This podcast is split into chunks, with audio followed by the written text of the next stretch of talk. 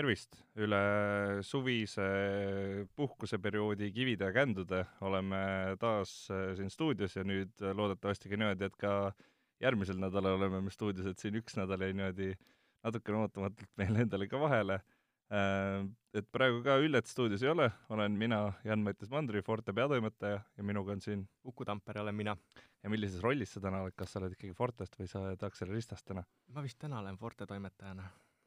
ja, ja siis täna need kaks Forte toimetajat räägivad siin äh, autoteemadest äh,. alustuseks räägime sellest, et äh, isejuhtivad autod ei kesta. et on välja käidud siis arv, et neli aastat võiks olla see, mis isejuhtiva auto vanuseks võiks olla natukene samal teemal, aga mitte päris, on see, et sisepõlemismootorid ikkagi jäävad meil alles ka veel tulevasteks aastakümneteks ja, ja täiesti vastupidisel teemal räägime sellest, et äh, ettevõtted saavad Eestis endale tasuta elektriauto laadijaid äh,. proovisõiduautoks oli meil äh, hübriidmaastur Toyota RAV4 ja nipinurgas arutame selle üle, kuidas võiks enda pagasit pakkida niimoodi, et see oleks, mahuks ära ja samal ajal oleks ka kõigile ohutu.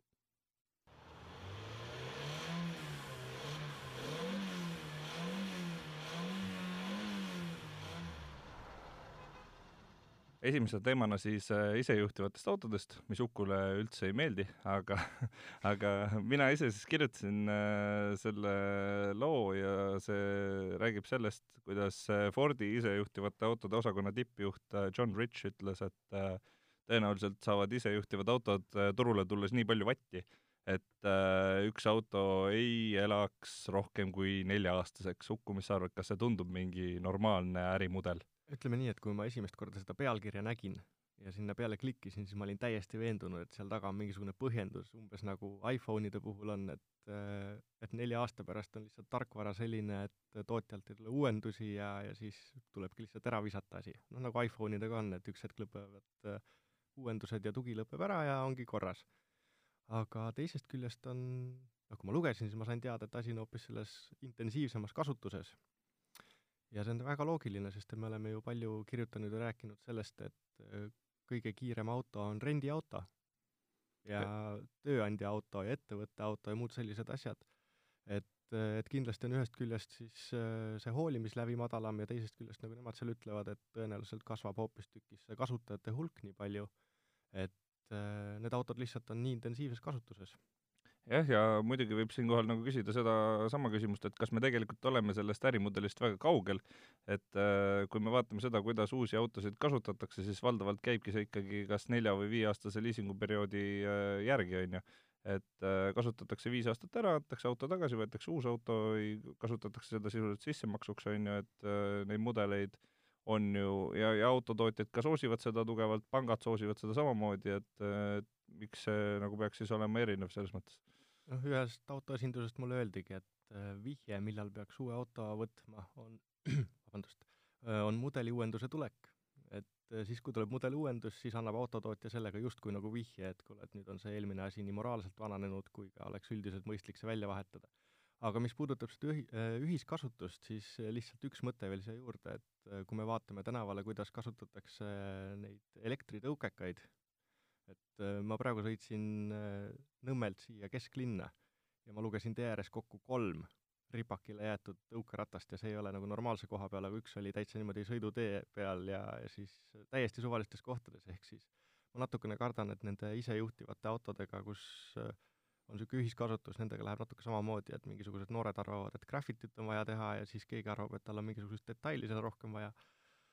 ja, noh, loomulikult siis seesama teema, mis sa just välja tõid, et uute autode üldine vastupidavus. kui meil kaheksakümnendate lõpus ja üheksakümnendatel räägiti Langzeit autodest, ehk siis nendest, mis justkui ostad ja hoolitsed ja kestavad kogu su eluea, et siis äh, kümme, kümme, kakskümmend aastat hiljem niisugust trendi enam ei ole, et neid autosid, mis äh, peavad vastu terve igaviku siis nii-öelda, et neid on suhteliselt vähe. et siin on küll mingisugune nihe on muutu-, tekkinud midagi on muutumas, sest et äh, üha rohkem räägitakse ka turunduses, autotootjad siis räägivad oma turunduses vastupidavusest ja, ja noh, näiteks kui me võtame Kiia või Hyundai, siis need pakuvad ju seitsmeaastast äh, läbisõidupiiranguta garantiid, äh, uuel Sprinteril on võimalik lausa nelisada tuhat kilomeetrit garantiid saada. Ja, ja näiteks seesama Peugeot viissada kaheksa, millest meil siin ka juttu on olnud, et seal autotootja ütles esitlusel, et esimesed üheksakümmend tuhat kilomeetrit peaks see välja paistma ja tunduma nagu uus ja üldse peaks vastu pidama kuusteist aastat, nii et nagu mingisugune nihe on toimunud, aga kui lähtuda sellest, mis on ikkagi viimased aastad olnud, et siis, siis tõepoolest viieaastane liisinguperiood, sada tuhat läbisõitu ja siis on majanduslik mõte, majanduslikult mõttekas see auto välja vahetada. jah, aga räägime nüüd edasi sisepõlemismootoritest, et ma kujutan ette, see on kindlasti sinu selline südameteema mingis mõttes, et noh, te olete selline huvitav, huvitav äh, vastuolu on teil, et mina olen aru saanud, et sina oled nagu sisepõlemismootorite fänn ja Ülle on nagu elektrifänn, et et kuidas teil nagu omavahel see asi on, kas te olete konsensusele ka jõudnud, et mis siis ikkagi lõpuks saab? noh, autohuvilised ütlevad, et mitte miski ei võida veekujulise silindrite asendiga mootori häält. Aga nii see on jah. Äh, eks see on niisugune harjumuste asi, aga minu jaoks auto on ikkagi sisepõlemismootoriga. see, see pool siis, et ma tunneksin sellest rõõmu äh, et ma saaksin seal kallal võib-olla midagi seal nokitseda, tegelikult ei teagi, mis see on, aga see on lihtsalt niisugune tagumikutunne, et sisepõlemismootor justkui peab olema. see nüüd ei tähenda seda, et ma elektriautodega sõita ei tahaks, nendega on väga tore ja linnas igapäevase olme jaoks küll ja veel. Aga ütleme niimoodi, et need igasugused jutud sellest, et sisepõlemismootorid hakkavad ära kaduma ja, ja siis nende süüdistamine kliima soojenemises ja muu selline kõik, see teeb tegelikult nukraks sest et kui me vaatame neid numbreid, et kas sisepõlemismootoriga autod päriselt nagu panustavad meie kliima soojenemisse nii palju, et see mingisugust mõju avaldaks, siis vastus on ei. ja aga miks nad veel päris ära ei kao? et see on ikka seesama harjumuste teema ja infrastruktuuri teema. et äh, sisepõlemismootoriga autot saad sa praegu tankida kus iganes äh,, ja elektriautode tuleku juures ongi kõige suurem takistus lihtsalt see, et äh, samal määral mugavust ei ole hetkel veel saada. ja ma ei räägi siin nüüd sõiduulatusest, vaid täpselt sellest, et saaks iga nurga peal igas kohas muretult juhtme seina pista. ja, ja no ütlemegi siis nii, et minu jaoks on see väga rõõmustav perspektiiv ja et need veel alles jäävad natukeseks. Ja kindlasti samal ajal on minu jaoks rõõmustav perspektiiv ka see, et elektriautod üha pead tõstavad ja juurde tulevad, sest et auto on auto, aga ma olen seda meelt, et ei tohiks nii-öelda ka vana olijat ja vana harjumuspärast süsteemi lihtsalt jõuga ära tappa. ma tooks äh, siinkohal ise välja ühe mõtte, mis ma lugesin hiljuti ühest äh, Ühendkuningriigi äh, autoajakirjast ja seal oli välja toodud see, et tegelikult ei oleks näiteks Ühendkuningriigi elektritaristu võimeline ära taluma seda, kui kõik elektriautod ühel hetkel otsustaksid ennast seinast laadima hakata ja sedasama ütles ju ka Rootsi avalikult välja, et juba praegu on neil üsna piiri peal ja nad lihtsalt, nende elektrisüsteem ja elektrivõrgustik ei kannata rohkemat koormust välja, nii et jah, see on täitsa teema. rääkimata siis äh, meie väiksest Eestist, kus on äh, ju see, et äh, noh, on ju piirkondi, kuhu isegi sisuliselt ei ole võimalik elektrit saada ja rääkimata sellest, et selliseid piirkondi, kus elektrivõimsus on olemata, et äh, ma ei tea, maakohtades, äh, ka väiksemates linnades võib olla neid äh, tõsiseid probleeme elektriga ikka küllaldaselt veel ka meil. jah, ma arvan, et ei ole keeruline leida majapidamist, kus on endiselt see süsteem, et pliiti ja pesumasinat ei tohi näiteks korraga käima panna ja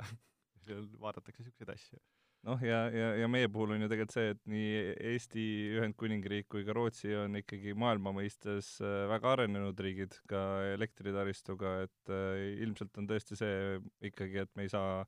lähema paarikümne aasta jooksul kindlasti sellest äh, sisepõlemismootorist ikkagi lahti. ma ütleks niimoodi, et see üleminek peaks olema loomulik ja sujuv ja läbi selle, et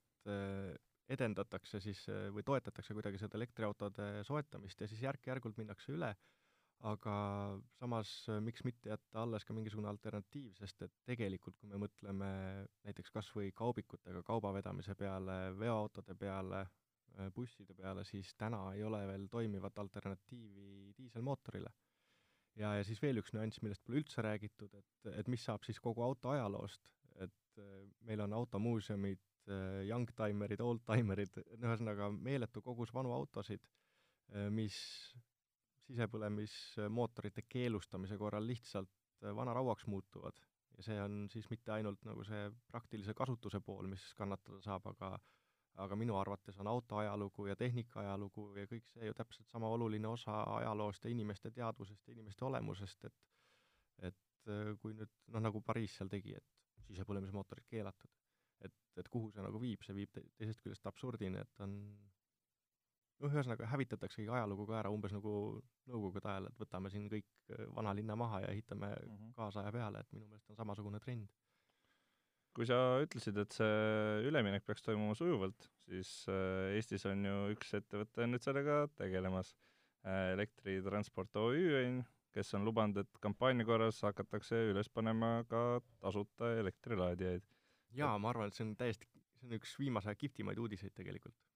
et äh, jah, see mõte ongi siis selles, et äh, osadele ettevõtetele antakse põhimõtteliselt tasuta laadijad ja, ja, ja pikemas perspektiivis tegelikult tahetakse hakata ehitama siis äh, lisaelektrilaadijate võrku, mis oleks siis lisaks sellele Elmole, et ei oleks see, et me peame ainult sellest ühest äh, ühest äh, võrgust saama oma elektri ja rääkimata sellest, et see on see üks võrk, millega on nagu pidevad probleemid ka ja asjad nüüd seisavad ja, ja ei teagi, millal nad lõpuks nagu lahenduse saavad. kusjuures ma olen imestanud sel teemal, et äh, elektriautode leviku üks äh, kõige suuremaid takistusi, noh, üks asi on saadavus, siis see, et kui ma tahaks praegu tellida tutika elektriauto, siis peab päris pikalt ootama. aga teine pool on just see ebakindlus, et ma ei tea, kust ma saan laadida, kas ma saan laadida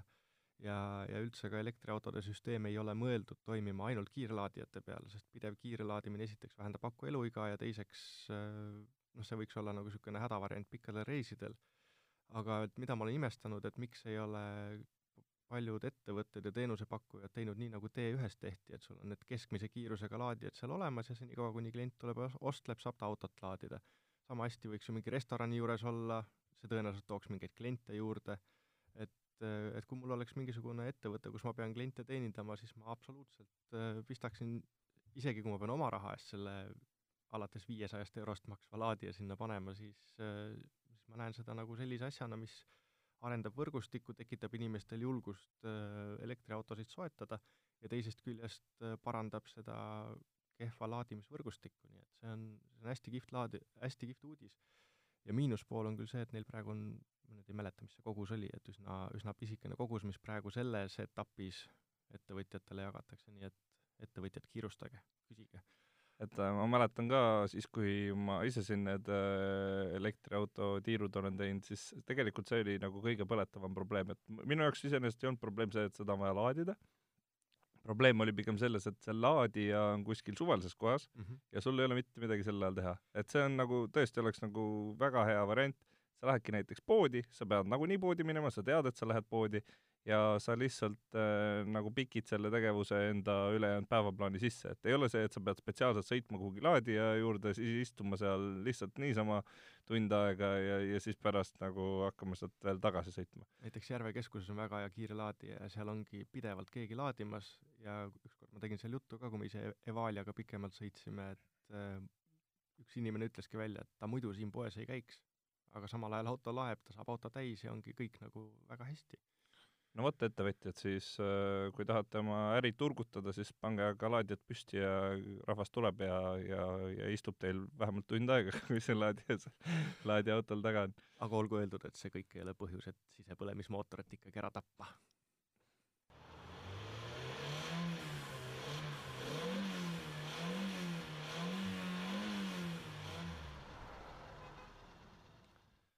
nii, räägime siis äh, meie proovisõiduautost, mis oli Toyota RAV4 Uku. et meie tänane podcast oleks veel eriti hektiline, siis ongi kõigepealt sisepõlemismootorid, siis elektrimootorid ja nüüd siis elektri ja bensiini segu äh,. hübriid. ja, ja, ja kogu saate lõpuks me läheme kondimootoriga koju siit äh,. diiselmootoriga aga seal on, et äh, hübriidi, bensiini ja elektrimootori hübriidi on justkui nähtud mingisuguse võimaliku diislitapjana. aga mis kütusekulu sina RAV4-ga kätte said, kui sa sõitsid? ma ütlen ausalt, et see oli äh, parem, kui ma eeldasin. Äh, kuus koma kolm vist, midagi sellist. Mhm. kuus koma kolm või kuus koma neli, üks, üks nendest kahest. vot see ongi täpselt see asi, et keskmine inimene sõidab diiselmootoriga sa-, samasuguse või väiksema kulugagi ja siis äh, tihtipeale tekib see küsimus, et milleks hübriidi vaja oleks. Meie käisime selle RAV4-ga Poolas, kokku kogunes umbes kolm tuhat, umbes neli tuhat kilomeetrit sõitsime kokku ja selle nelja tuhande kilomeetri keskmine oli viis pool, mis on tegelikult suhteliselt suure, suhteliselt raske ja vajadusel nelikveolise auto kohta nagu üsna normaalne bensiinikulu aga noh, seal ikkagi jääb õhku see küsimus, et et ma tõenäoliselt oleksin diiselmootoriga natukene ökonoomsema tulemuse saanud.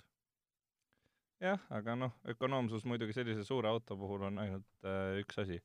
aga ma pean tegelikult ütlema, et minu jaoks äh, RAV4 oli hea üllatus ja, ja pärast seda perioodi, mis ma sellega veetsin, ma sain ka aru sellest, miks see auto nii ostetud on. et äh, mm -hmm. kui ma sõitsin Corollaga siis see oli minu jaoks ikka pigem piinarikas et selles mõttes, et ma, ma ei oleks endale ostnud Corollat ka siis, kui ma tean selle plusse, on ju, et see ongi seesama kütusekulu, on ju, samamoodi loodussäästlikkus ja nii edasi,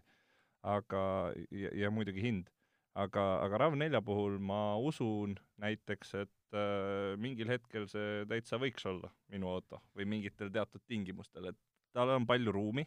tal on äh, hea kütusekulu, tegelikult väga hea hind suur pagasiruum, kõik tänapäevased mugavused, et selles mõttes noh, ma, ma ei oska midagi halba öelda selle auto kohta, see tõesti oli eriti eelmist Toyota kogemust arvestades väga-väga-väga mõnus kogemus. no seda minu eelmist seisukohta või arutelu ei maksa mõista nii, et ma kuidagi üritaksin seda hübriidi õõnestada, sest et tegelikult äh, on RAV4 ja just hübriidina seesama versioon, mille ma endale igapäevaseks olmeautoks ilma vähem, vähimagi kõhkluseta ostaksin. sest et äh, no mulle väga meeldib see, et linnas saab äh, ikkagi päris palju elektri abil liikuda, eriti ummikutes ja, ja eriti ma tooksin välja seda, et kui me tiirutasime sellega mööda Poola külavaheteid, mis on noh, lihtsalt ongi nii hullu kvaliteediga teekattega, et seda on raske kirjeldada, siis seal tuli välja, et see RAV4 on lausa ameerikalikult mugav. ehk siis äh, ta ei ole jäik, nagu praegu klassikaline kaasaegne auto kipub olema, ja see, millis, mismoodi ta selle täiesti lipp-lipi peal, lapp-lapi peal tee sirgeks triikis, see, see üllatas meid kõiki ja siis samal ajal võiks ju arvata, et pehme auto, lähed kiirtee peale ja siis on ta mingi ebamäärane ja uimane. ei, ta on nii piisavalt raske, et ta ei karda tegelikult külgtuult ja ta hoiab hullult hästi suunda, et täpselt sama mõnus oli sellega sõita saja kuue, saja seitsmekümnega isegi, et et ta on täiesti fantastilise juhitavusega auto, ainus asi, meie tagumikud nii pika sõidu peal ütlesid, et see iste võiks olla natukene ergonoomilisem. äh, teiste autodega isegi pikkadel distantsidel eh, ma ei ole juba väga kaua aega tu-, tuvastanud seda tunnet, et eh, tahaks sirutust. jah, ma olen tegelikult äh, nõus, istme alumine osa oli ilmselgelt liiga lapik, et ta oli kuidagi nagu ebamugav. ja, ja tegelikult ma ei ole ka selle külgtuule jutuga nõus, vähemalt mina, minu, minul oli küll nagu pigem ebamugav sõita, aga võib-olla see on sellepärast, et ma olen harjunud hästi väikse, hästi madalal istuva autoga et äh, natukene oli ikka tunda seda, et kui Tallinna-Narva maanteed mööda sõita mm., et äh, seal on hästi lage ka ja mingisuguseid neid tuuletõkkeid ei ole püsti pandud, et siis on ikka tunda. kusjuures arvata võib, et minul on ju kaubikuga hästi palju kogemust ja ma praegu sõidan ka sisuliselt kaubikuga, nii et see võib olla täitsa ka see asi, et ma lihtsalt äh, olen tolerantsem aga, aga vedrustuse koha pealt ka äh, peab kahe käega alla kirjutama, et äh, ka Tallinna augulised teed sõitis see väga ilusti sirgeks ja ei olnud mingisugust probleemi, et äh, ka, ka siis, kui äh, auto on tegelikult rahvast täis, et ja, ja, ja ka pagasiruum on äh, täis, et ka siis ei ole seda, et ta oleks äh,, oleks liiga madalal või et, et selles mõttes vedrustusega on ka ideaalne kõik minu arust ka. mina ütlekski lõppkokkuvõttes selle auto kohta nii, et äh, kui oleks saanud äh, istet reguleerida veel madalamaks ja istme esimest serva püsti, see, nagu sa ütlesidki, et ta, see istmepadi on kuidagi nagu naljakas. et sisuliselt on nagu istuks pargipingi peal, aga kui ma saaksin lasta ennast natukene rohkem äh, lesima, et siis, siis mul ei oleks tegelikult mitte ühtegi etteheidet sellele autole. jah, ma arvan sama, et tegemist on tõesti suurepärase autoga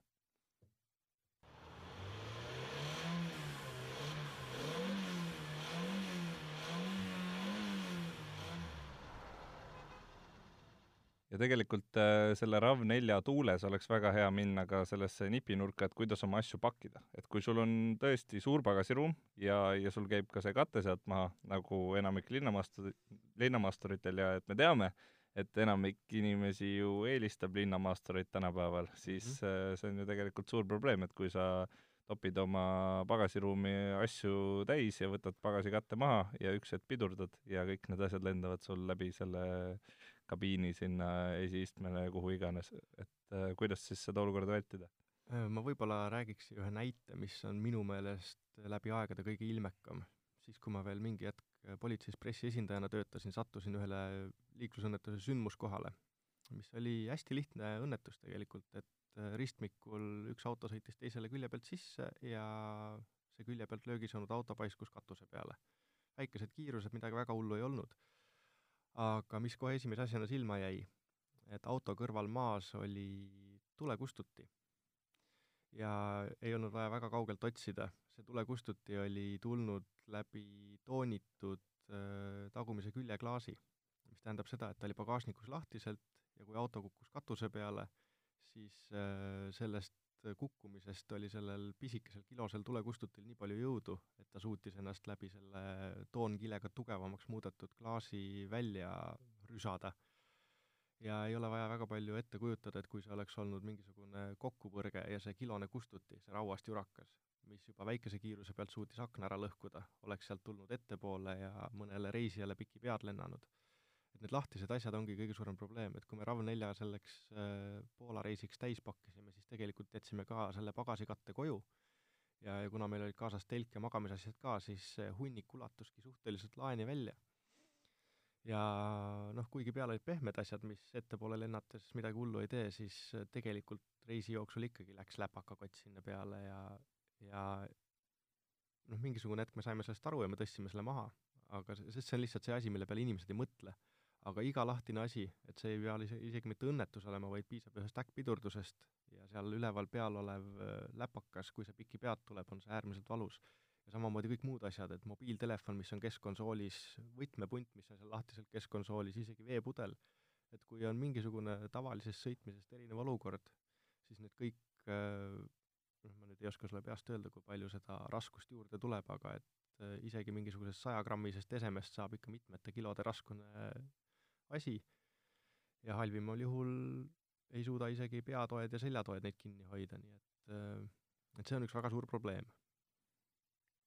ja samamoodi siis ka koormakinnitus näiteks kaubikutes, et äh, Eestis on, eestlastel on kombeks see, et äh, kaubik täis ja ah, sõit on ju nii lühike, aga siis samamoodi ma oma praktika jooksul olen näinud pealt seda, kuidas umbes paarisaja kilone küttepuude koorem oli koos metallist vaheseinaga kokkupõrkel siis nii-öelda sinna sõitjate ruumi ette tunginud. et noh, inimesed jäid küll ellu, aga nende vigastused olid päris tugevad ja seda peamiselt seetõttu, et need halud olid seal, auto oli suhteliselt nagu esiklaasini või kogu see nii-öelda istumise osa, osa, mis jääb armatuuri alla, et see kõik oli küttepuid täis. et isegi metallist sein ei hoidnud seda kinni. nii et see on nagu niisugune mõtlemise koht jah, et äh, kindlasti siis tuleb oma asjad hoida võimalusel kinnises pagasiruumis ja, ja mitte jätta lahtist kola endale kuhugi kabiini. et see on äh, kõige lihtsam võimalus, kuidas neid riske minimaliseerida ja, ja ja ilmselt oleme me kõik süüdi selles, et äh, ei mõtle selle peale piisavalt, et äh, kas need asjad tõesti peavad mul olema seal käepärast sel konkreetsel hetkel. ja teine asi veel see ka, et äh, võib ju mõelda ka niimoodi teoreetiliselt, et iga asi, mis autos on, äh, on kaal ja iga gramm kaalu, mis autoga, autos kaasas sõidab, see suurendab ka kütusekulu. nii et kusjuures äh, võtke kätte ja tehke nii, et võtate mingi kilekoti või suurema koti ja korjate kõik lahtised asjad autost ära.